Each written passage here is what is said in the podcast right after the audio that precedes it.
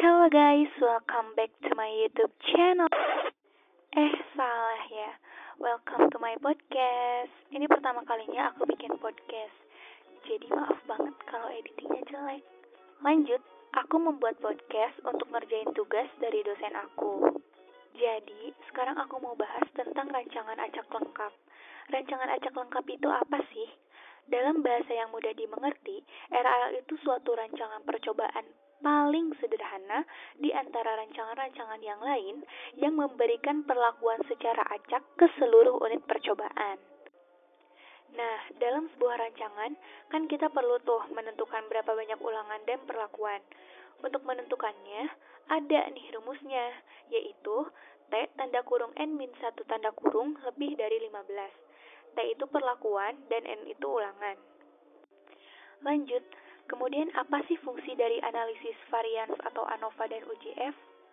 Loh, kok langsung ke sini? Iya, soalnya ini sesuai dengan urutan soal. Fungsi ANOVA adalah alat analisis untuk menguji hipotesis penelitian yang mana menilai adakah perbedaan rata antara kelompok. Hasil akhir dari analisis ANOVA adalah nilai F hitung. Nah, ini nyambung. Selanjutnya, fungsi dari UJF itu apa? UJF itu F-nya diuji. Kan tadi udah ketemu nilai F hitungnya pakai ANOVA.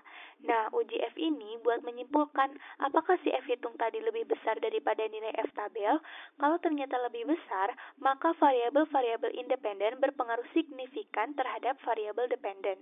Ini sekaligus menjawab pertanyaan terakhir yang dosen aku berikan, yaitu bagaimana cara menarik kesimpulan UJF Cara menariknya yaitu dengan cara membandingkan F hitung dengan nilai F tabel. Terakhir nih, kan kita udah tahu fungsi ANOVA dan UJF. Yang ditanyakan adalah datanya berasal dari mana. Nah, ANOVA dan UJF ini datanya berasal dari berbagai jenis penelitian yang penelitiannya tuh komparatif. Misalkan, membandingkan metode A, B dengan C atau disebut juga data ex post facto atau eksperimen.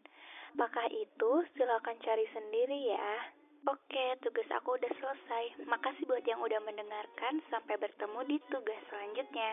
Bye bye.